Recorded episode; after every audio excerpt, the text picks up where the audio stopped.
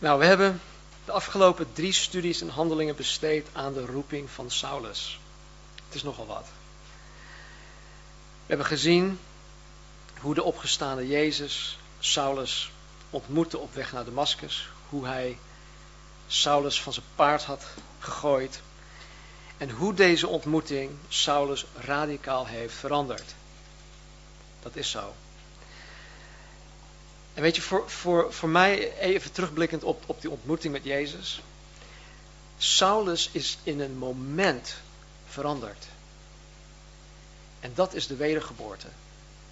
De knop gaat om, de geest komt in je leven, je bent een nieuw schepsel. Ik hoor vaak dat mensen zeggen van ja, mijn wedergeboorte, ik, zit nu, ik ben nu in het proces van wedergeboren worden. Denk dat ik weet wat ze bedoelen, maar het proces van wedergeboorte is dat. Het gebeurt in een, in een milliseconde. Natuurlijk is er vooraf een werk die God doet, de Heilige Geest doet, om mensen te trekken. Want Jezus zei zelf in Johannes hoofdstuk 14, de Heilige Geest is met jullie. De Heilige Geest overtuigt van zonde, van gerechtigheid en van oordeel. Dus de Heilige Geest die gaat een proces met mensen aan om mensen te trekken. Maar op het moment dat je wedergeboren bent, is het instant. Het is gebeurd. En dat, dat, ja, dat is dus ook bij, bij Saulus gebeurd. Hij is radicaal in één keer veranderd. Nou, dat is een heel verhaal wat we de afgelopen drie studies hebben behandeld. Dus mocht u het gemist hebben, mocht je het gemist hebben, raad ik aan om deze via de website te beluisteren. Nou, nu komen we tot een overgang in het, in het boek, in handelingen, waarin de bediening van Petrus de komende drie hoofdstukken het middelpunt vormt. Dus er is een verschuiving van Saulus, nu gaat het over naar Petrus. En tot en met hoofdstuk 12, denk ik, ehm, zien we Petrus in actie. En daarna dus vanaf hoofdstuk 12, 13 komt Saulus weer in beeld. En dan zal de rest van het boek Handelingen grotendeels draaien om het leven en om de bediening van Paulus, of Saulus, ja, de apostel Paulus. Nou, vandaag pakken we het op bij Handelingen hoofdstuk 9, vers 32. Handelingen 9, vers 32.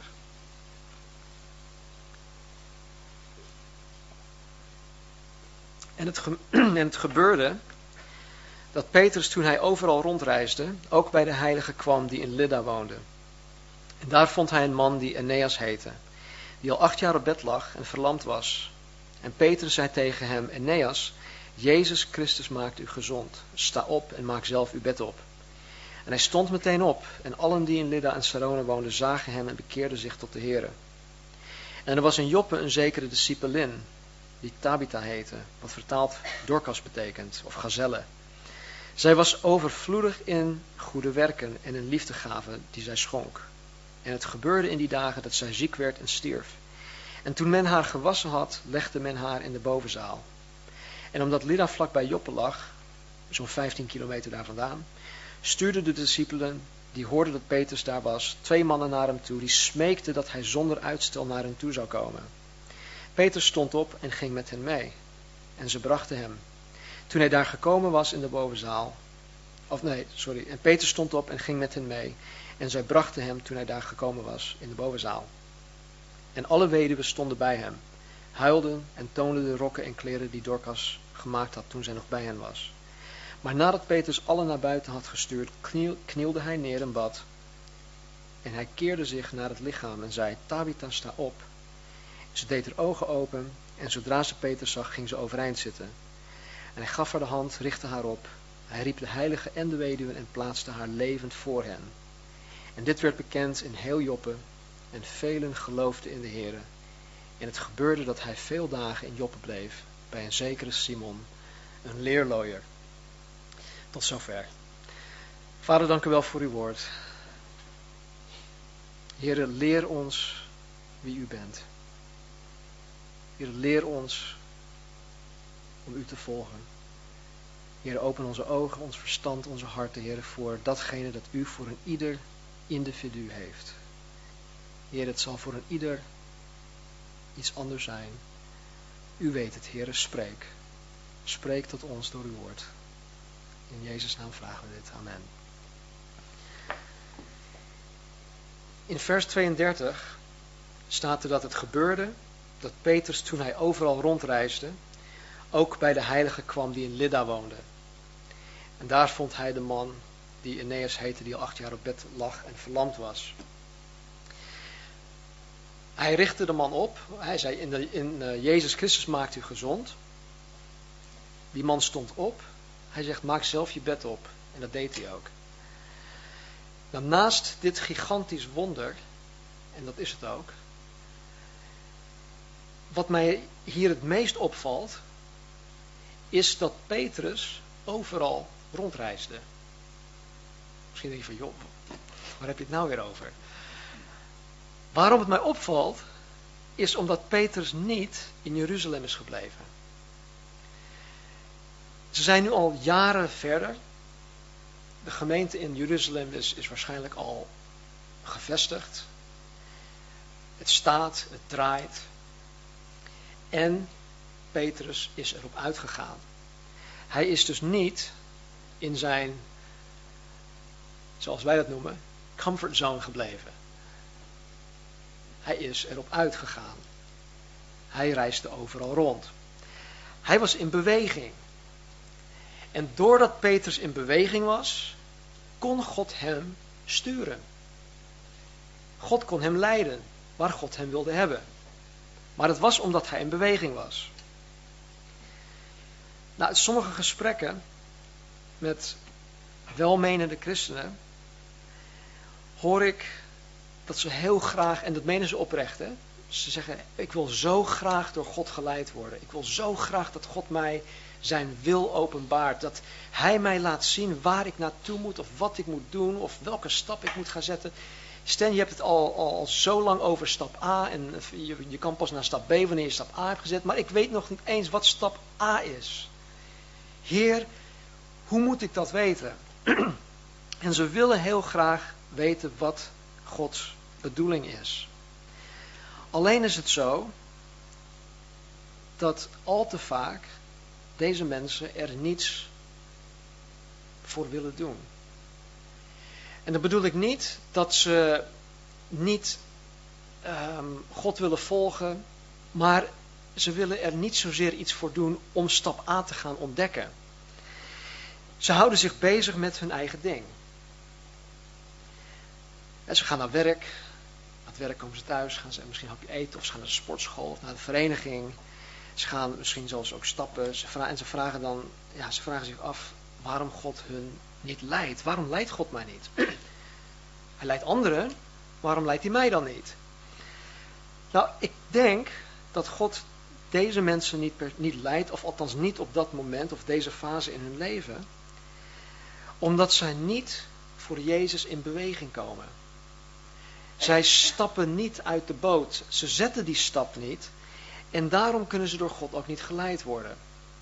Nou, wat bedoel ik daarmee? Ik bedoel dit. Als jullie nu een willekeurige auto pakken uit buiten. En je gaat in die auto zitten. En je blijft in het parkeervakje staan. Nou, dan kan je net zo hard sjorren aan het stuur. Maar die auto die blijft gewoon staan. Als je me niet gelooft, Marnie, geef me even de sleutels. Nee, het is echt zo. Die auto beweegt niet. Hij, je kan die auto dus niet van richting veranderen. Je kan de auto niet sturen. Pas als je hem uit het parkeervak haalt, je zet hem in zijn één, je gaat wegrijden, dan kan je pas sturen. En zo is het ook met ons. Wij kunnen pas gestuurd worden, geleid worden door God wanneer wij in beweging zijn. Het is een hele simpele principe, het is een hele simpele vergelijking met die auto. Jacobus heeft het over onze tong, die net als een, een, een, een wat is een rudder van een boot? Een roer, zo'n gigantisch schip kan draaien. Nou, wij met onze tong kunnen ook heel veel dingen bewerkstelligen. Maar als je nagaat, zo'n grote ocean liner, uh, zo'n uh, containerschip, die dingen zijn heel groot. En met, met een roer kan je zo'n ding bewegen. Maar, nogmaals, als hij aangelegen Is dat goed? Ja, staat of, of ligt. Um, dan kan je draaien wat je wil. Het enige dat gebeurt is dat die roer dit doet. Maar het schip blijft staan. Dus wij horen in beweging te staan, of te gaan. Oké, maar hoe dan? Hoe moet ik in beweging komen? Wat, wat, wat moet ik doen? Hoe zet ik die eerste stap? Want praktisch is dat soms heel moeilijk. Wat bedoel je er nou mee? Nou, stap A is voor een ieder van jullie heel anders. Het is persoonlijk. Daarom noemen we het ook een persoonlijke relatie die we hebben met God. En misschien heeft God het, het een en ander al aan jou laten zien. Over welke stap je moet gaan zetten.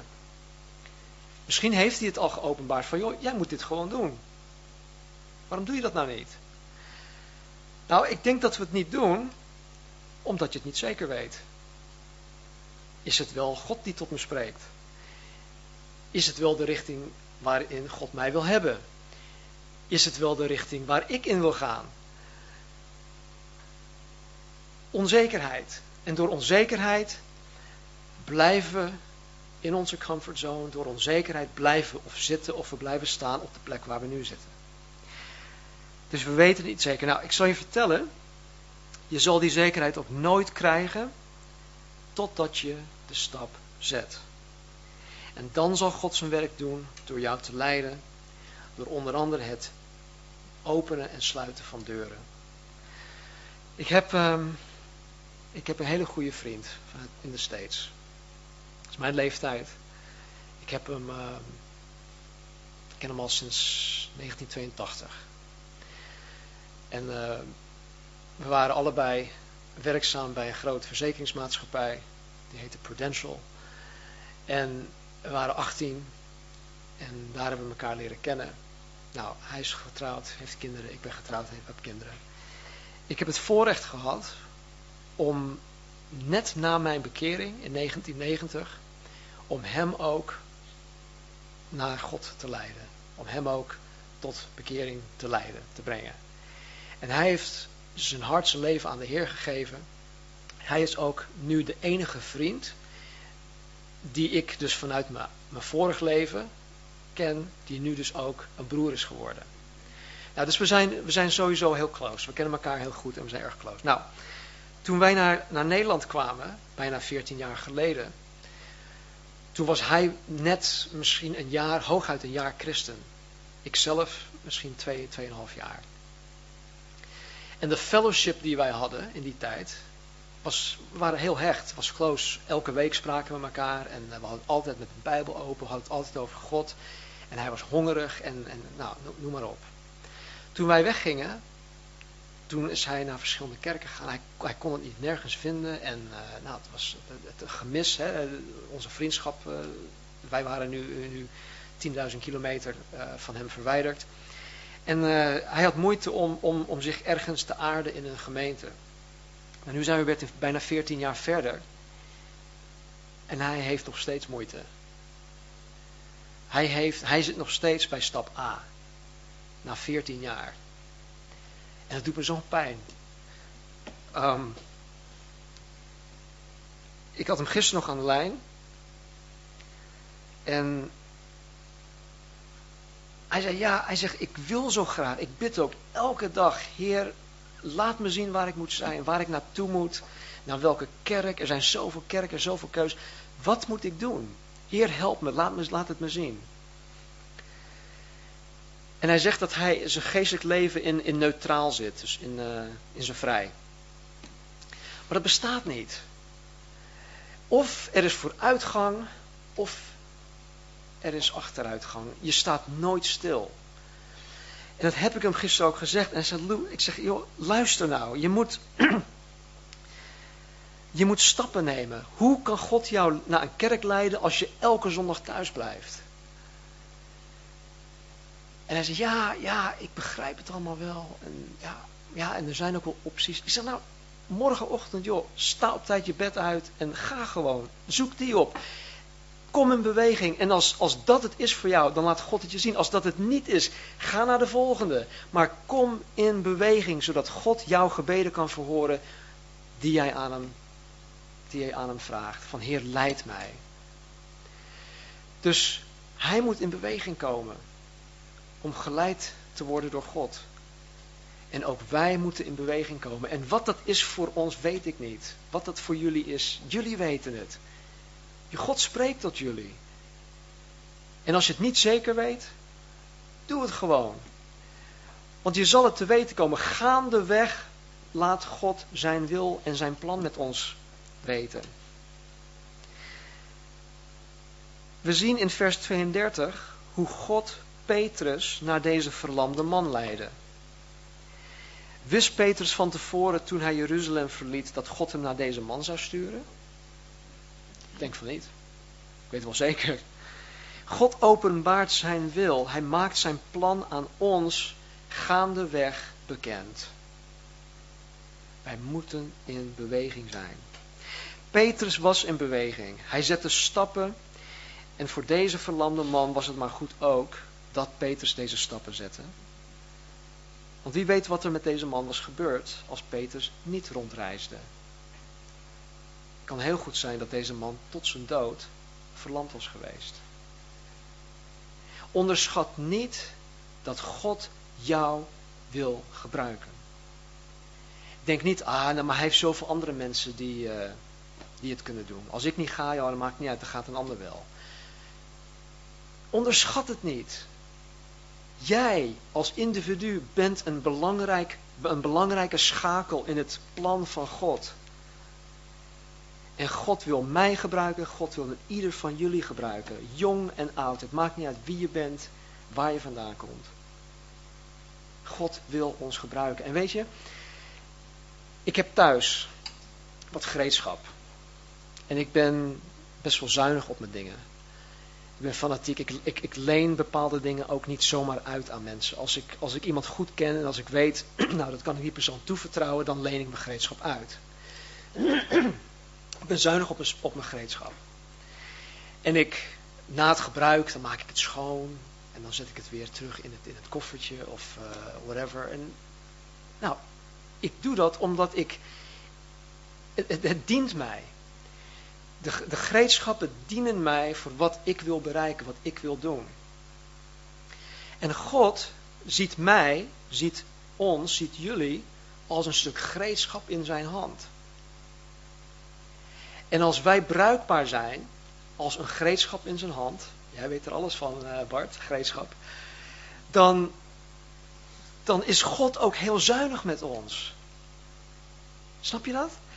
Hij is zuinig, hij, hij vertroetelt ons, hij maakt ons schoon en hij, hij, hij geeft ons uh, opknapsbeurten en, uh, en onderhoudsdingetjes. En hij, hij gaat met ons aan de slag. Hij is er zo zuinig op. Hij is heel zuinig op ons. Ik heb ook gereedschap die ik links laat liggen in de schuur. Die weg zitten te roesten. Wat voor gereedschappen zijn dat? Nou, dat zijn kapotte schroevendraaiers die je in een schroef plaatst en hij draait maar door. Dat zijn uh, botte uh, beitels.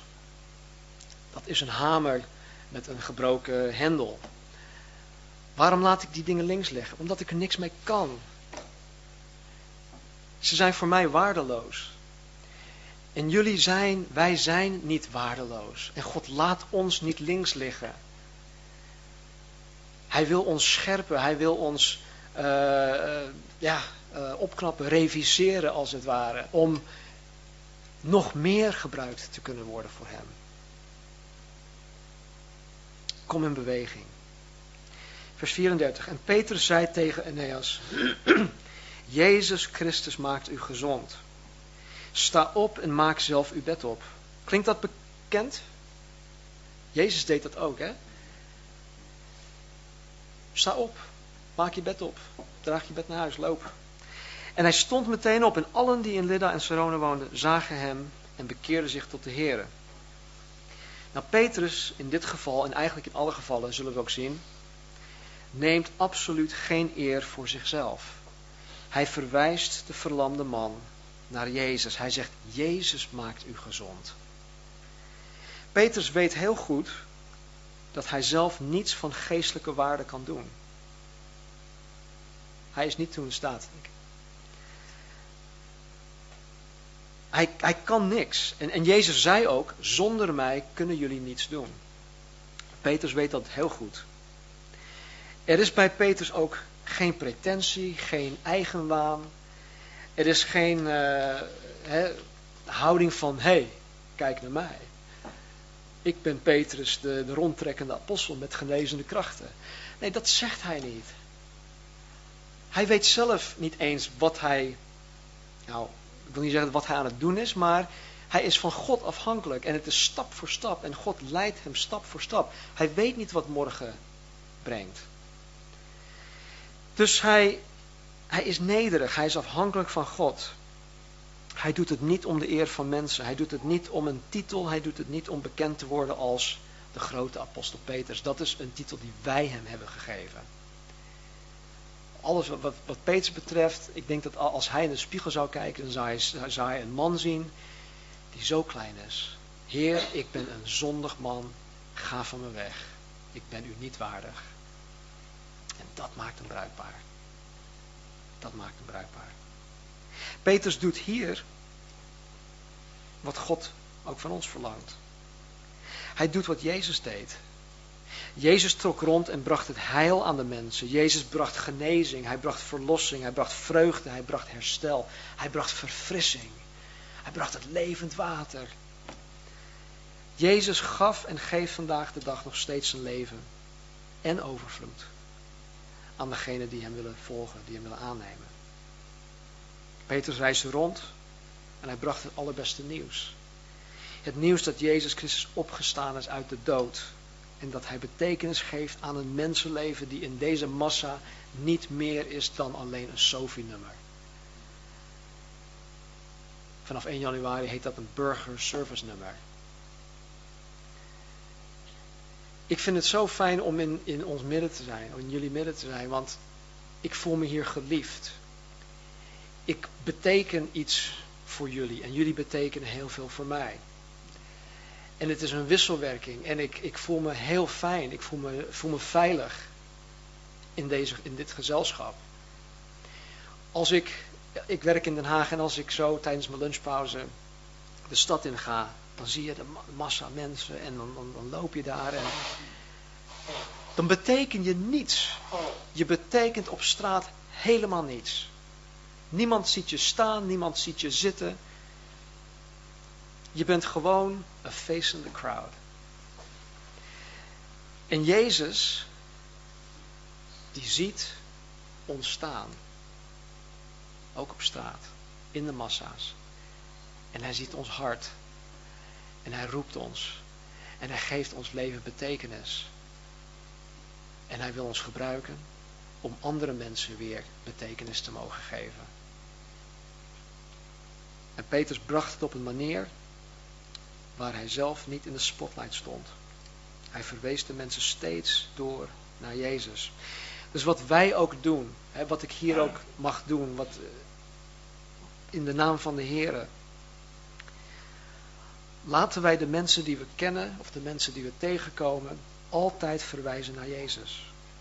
Laten we nooit roemen over wat wij door Hem mogen zijn. Hij kan zeggen van ja, hey, guess what? Ik ben zendeling. Ik ben de pastor van een uh, nieuwe gemeente in uh, Hoofddorp, bla bla bla. Bah. Daar gaat het niet om. Het gaat om Jezus. Jesus is the master. I'm just the pastor. Vers 36. En er was in Joppe een zekere discipelin die Tabitha heette, wat vertaald Dorcas betekent. Deze was overvloedig in goede werken en in liefdegave die zij schonk. Nou, over deze Tabitha uh, vertelt de Bijbel ons eigenlijk niets, behalve wat hier staat. Het kan zijn dat zij tot geloof gekomen is door Filippus toen hij vanuit Gaza rondreisde, al predikend, en terugkeerde naar, of, of keerde naar uh, Caesarea. Dus we weten niet precies wat haar achtergrond is. Wat we wel weten is dat zij overvloedig was in goede werken en het geven van liefdegaven. Nou, het overvloedig in goede werken betekent dat zij zich inspanden. Ze spanden zich in om het goede te doen. Dus het, het was niet omdat zij een persoonlijkheid had waardoor het vanzelfsprekend was. Het was een lieve, lieve vrouw. Ja, nee, het, het, het, kwam haar makkelijk af. Nee, ze spanden zich daarvoor in. Kijk, we zijn allemaal anders. En bij mij ligt het een uh, makkelijker uh, dan, dan bij de ander. Ik kom uit een Indisch gezin waarin uh, ja, gasvrijheid hoog in het vaandel staat. En ik heb gasvrijheid heb ik van mijn ouders meegekregen. Dus iedereen die bij ons ja, thuis of bij de, over de vloer komt, ja, die, die, horen zich thuis te voelen. We, we, worden, we worden, ons altijd, ja, we worden altijd bedankt voor, nou joh, geweldig voor de gasvrijheid. Maar, nou, misschien zeggen ze dat alleen maar, maar goed. Uh, gasvrijheid ligt mij, ligt mij makkelijker. En misschien bij de anderen helemaal niet. Maar er zijn andere dingen die mij dus totaal niet liggen. Maar goed, ik kan wel gasvrij zijn, gasvrij zijn maar dat wil nog niet zeggen dat dat een geestelijke gave is. En dat hè, dat, dat dat iets van, van God is. Het, het, het ligt mij gewoon. Wat ik hier doe, ligt mij dus totaal niet. Maar ik doe het toch. Nou, zij spanden zich in. Zoals ik me nu ook inspan om dit te doen. Het kost me veel. En God wil dat wat wij geven, dat het ons ook iets kost. Niet dat het allemaal vanzelf gaat en dat het vanzelfsprekend is. Zij werkte hard om anderen van nut te zijn, om anderen te helpen. En niet zo'n klein beetje, nee, overvloedig.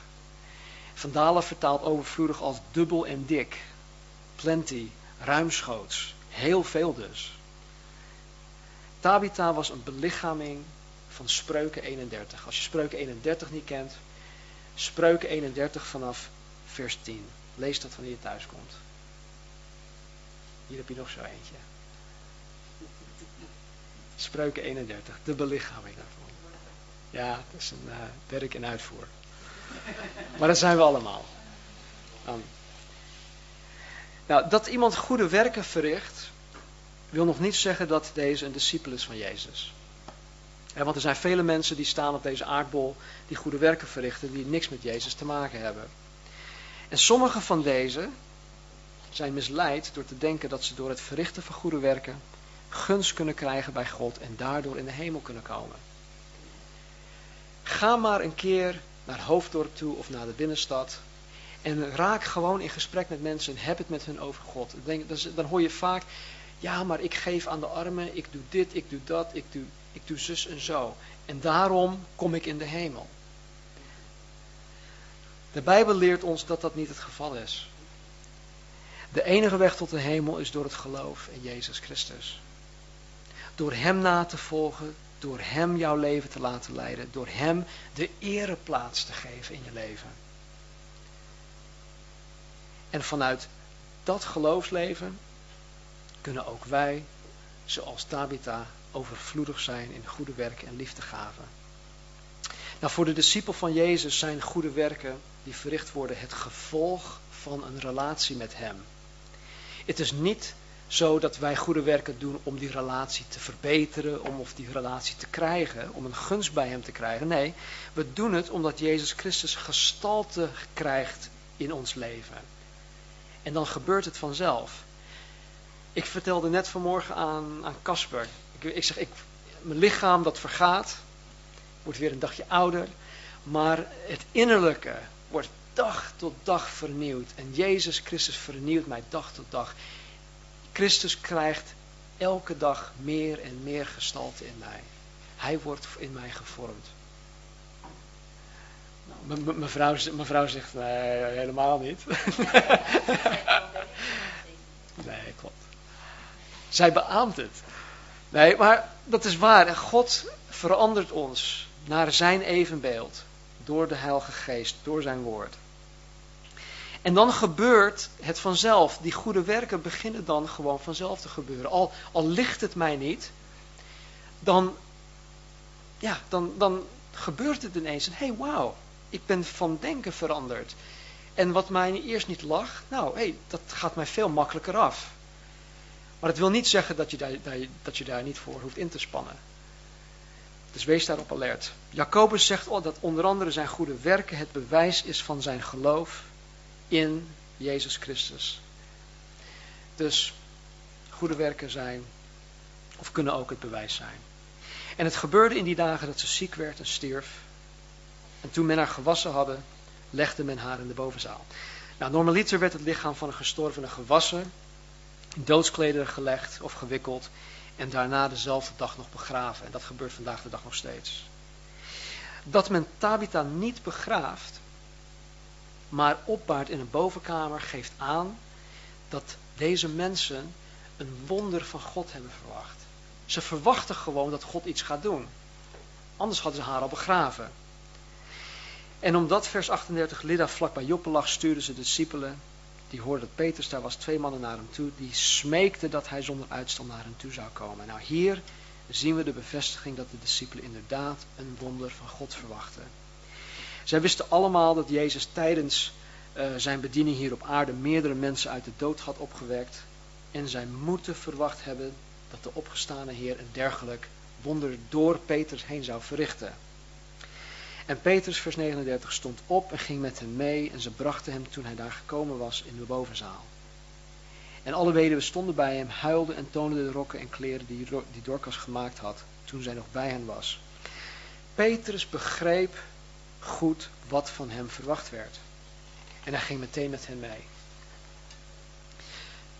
Deze Petrus, samen met Johannes en Jacobus, gingen ooit een keer met Jezus mee, omdat het twaalfjarig dochtertje van Jairus overleden was. Dat kan je in de evangelie lezen. Jezus kwam daar het huis binnen. Hij zag een hoop commotie rondom het gestorven meisje. Er was gehuil, er was geween, er was een hoop herrie en Jezus stuurde de mensen weg. Toen zei Jezus tegen het gestorven meisje, Talita kumi, wat betekent meisje sta op. En het meisje werd wakker. Ze stond op. En Jezus presenteerde haar levend. Deze gebeurtenis, wat ik net had verteld, zal ongetwijfeld Peters geloof gigantisch hebben versterkt. En het had het, hij had het, ja, zijn geloof werd zodanig versterkt dat, dat hij zeker op dit moment ook een wonder verwachtte van God. En want Petrus had het persoonlijk met Jezus meegemaakt. Hij had het gezien. Jezus had het toen gedaan, dus Jezus kan het nu ook doen. En met die gedachte kan ons geloof ook versterkt worden in Jezus. Ons geloof en vertrouwen in God wordt versterkt doordat wij dingen met God meemaken. Als wij God iets zien doen, of als, we God iets, als God iets in ons leven doet, dan denken we de eerstvolgende keer, hé, hey, geen probleem. Jezus kan het. Hij is bij macht om het te doen. Nou, de weduwe stonden erbij te huilen en toonden de kleding die Tabitha voor hen gemaakt had. Ik kan me voorstellen dat dit best wel heftig was, heel emotioneel. En Petrus die op dat moment gewoon even alleen wilde zijn met Jezus. Jezus die dit al eerder had gedaan. Stuurde al deze mensen naar buiten. Vers 40. Maar nadat Petrus allen naar buiten had gestuurd, knielde hij neer in bad. En hij keerde zich naar het lichaam en zei, Tabitha, sta op. En ze deed haar ogen open en zodra ze Petrus zag, ging ze overeind zitten. Nou, hier is een hele belangrijke, principe. Daar sluit ik ook mee af. Petrus knielde neer en hij bad. Petrus staat voor een gigantisch probleem. Ik denk een probleem die wij waarschijnlijk in dit leven nooit zullen meemaken. Het is een probleem waar hij zelf niets aan kan doen. Want hij kan haar niet opwekken uit de dood. Maar die mensen, die verwachten het wel. Die verwachten het gewoon. Anders hadden ze hem niet geroepen. Dus wat doet Petrus? Hij roept de Heere Jezus aan. Hij roept degene aan die er wel iets aan kan doen. Nou, wat hij bidt staat er niet, maar het antwoord die Petrus kreeg uit dat gebed is wel duidelijk. Antwoord staat er niet. Maar je kan uitmaken wat het antwoord is door zijn handeling. Het, het antwoord is duidelijk omdat hij actie onderneemt. Petrus onderneemt actie. Hij keerde zich naar het lichaam toe en hij zei, Tabitha, sta op. Nou, hier is het principe. Petrus bidt niet alleen om Jezus iets te vertellen of te vragen. Nee, hij gaat in gebed om van Jezus te horen. Hij zoekt een antwoord, hij zoekt leiding. Dus hier zien we dat gebed wel degelijk een dialoog is en niet alleen een monoloog. En hoe vaak komen wij niet in gebed met ons verlanglijstje, zeggen amen en gaan vervolgens ons eigen gang. Ik ben daar ook van schuldig. Ik maak me daar schuldig aan. En hoe vaak komen wij in gebed met onze Bijbel erbij om antwoorden te krijgen van Jezus? Kan dat? Ook gebed. Maar dan is het niet zozeer van Heer, hier is mijn gebedslijstje. Maar dan is het Heer, wat heeft u mij te vertellen? Petrus had zeker weten een woord van de Heer gekregen in zijn dialoog. Waardoor hij in actie kwam. Petrus handelde hier naar het woord van de Heer. En weet je, God verlangt ernaar om mij te leiden. Hij verlangt ernaar om jullie te leiden. Om door gebed tot mij te spreken, kan God mij ook leiden. Hij leidt mij daarin. Maar als ik de enige ben die aan het woord bent of kom, dan hoor ik Gods stem niet. Als ik niet de tijd neem om stil te zijn voor zijn aangezicht, met Bijbel open. Als ik me ochtends haast op weg naar werk van, oh, ik ben weer laat, uh, even snel aankleden, uh, de deur uit en uh, op weg in de auto, even, even, even bidden, even snel bidden, of in de bus of in de trein, even snel bidden. Dan kom je niet tot het punt waar God tot je kan spreken. Want dan is het alleen maar, Heer, help me vandaag met mijn werk, help me met mijn school. Heer, ik heb een toets. Heer, ik heb dit, Heer, ik heb dat. Wees met mijn zus, wees met mijn broer, met mijn ouders. Noem maar op. Jullie weten waar ik, waar, waar ik het, waarover ik het heb. En, en God wil juist zo graag met ons spreken. Dus wij moeten de tijd nemen. Het is geen wet hoor, ik leg niks op. Maar God wil zo graag. En hij verlangt ernaar om ons te leiden. Dus zoals Petrus hier bad, wacht op een antwoord. Neem de tijd, pak je Bijbel erbij. En je zal gegarandeerd een woord van de Heer ontvangen. En hij gaf haar de hand en richtte haar op. Hij riep de heilige en weduwe en plaatste haar levend voor hen. En dit werd bekend in heel Joppe en velen geloofden in de Heere. En het gebeurde dat hij veel dagen in Joppe bleef. Hij bleef daar omdat deze pasbekeerde gelovigen onderwijs nodig hadden. Hij bleef daar vele dagen. In Matthäus 28 krijgen we de grote opdracht waarin staat: Ga heen, onderwijs al de volken, doop hen in de naam van de Vader en van de Zoon en van de Heilige Geest en leer hen onderhouden alles wat ik u geboden heb. Nou, door deze gebeurtenissen kwamen veel mensen tot geloof. Petrus bleef daar. Hij uh, hield zich aan de grote opdracht van Jezus door de mensen te, te onderwijzen, door de mensen te leren, uh, hun te leren te onderhouden, alles wat u geboden had. Dus als we teruggaan naar handelingen 1, nu zitten we op handelingen 9 aan het eind. We zijn zo'n tien jaar verder in de gemeente. En we zien dat God nog steeds op dezelfde manier zijn werk aan het doen is. Door Petrus, door de apostelen, door de discipelen. En nu zijn we zo ruim 2000 jaar verder. En God werkt nog steeds op dezelfde manier. Alleen nu door ons. En je kan jezelf afvragen, waarom worden mensen vandaag de dag niet meer uit de dood opgewekt? Nou, dat is een hele andere boodschap. Ik kan je alleen maar mijn perspectief geven. Daar heb je waarschijnlijk helemaal niks aan. Maar ik heb mijn eigen theorieën daarover. Ehm, maar goed, dat is, voor een andere keer. Laten we bidden. Vader, ik dank u. Ik dank u, Heer, voor Jezus. Heer, dat u ons Jezus gegeven hebt, Heer. Dat u ons het leven gegeven hebt. Leven en overvloed. Heer, help ons om bewust te zijn van dat leven. Help ons bewust te zijn, Heer, van wie Jezus is. Help ons Jezus beter te leren kennen. En Heer, als we zo ja, deze laatste versen van hoofdstuk 9, 9 hebben doorgenomen. Hier dan zien we een aantal dingen, Heer. Dingen die we kunnen, waarvan we heel veel kunnen opsteken. Heer, help ons in beweging te komen. Heer, maak de stap aan ieder van ons, Heer, die we moeten zetten, de stappen die we moeten zetten, maak het ons openbaar. Of Heer, als u het pas aan ons ja, bekend wil maken nadat we de eerste stap hebben gezet, help ons die eerste stap te zetten. Maar Heer, breng ons in beweging.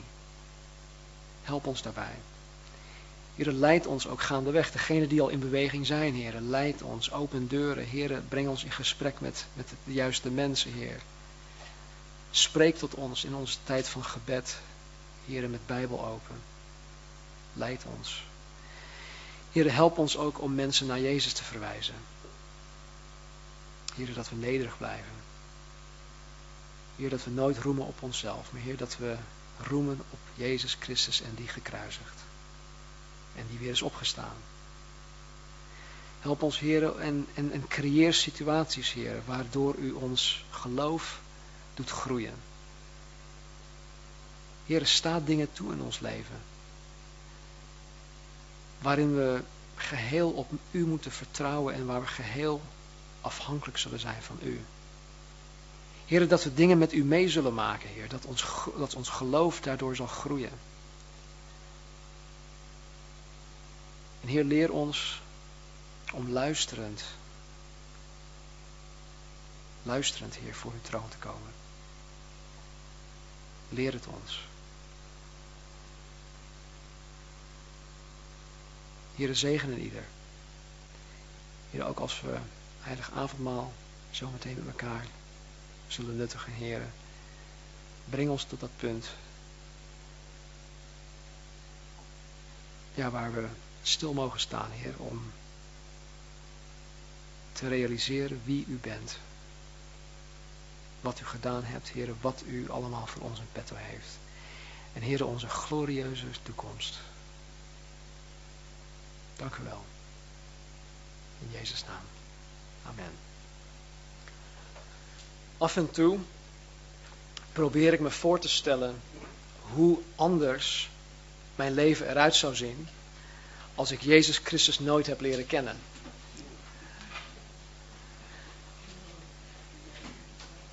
Als ik uitga van de richting die mijn leven had voor mijn bekering, dan zou ik vandaag hoogstwaarschijnlijk niet meer met Marnie getrouwd zijn geweest.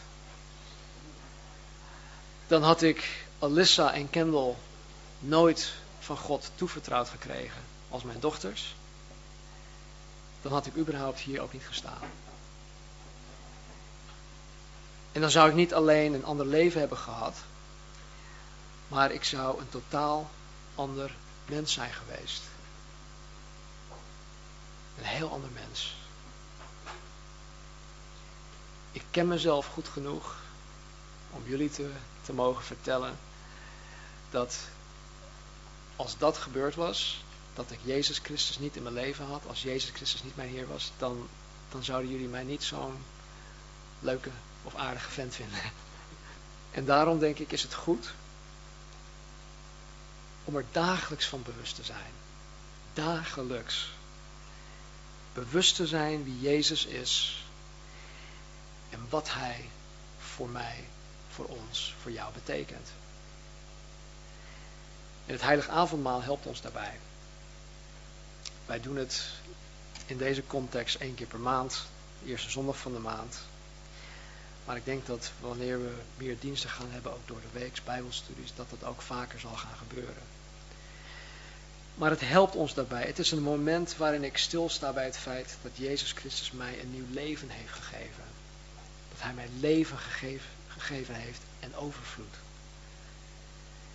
En dan wil ik Bert vragen om het heilige avondmaal met Marcel uit te delen. Ik weet niet, ik denk dat Bert nog een kort woord heeft. We houden het niet te lang. Het is warm, het is mooi weer buiten. En uh, God heeft ons daarin ook gezegend. Bert?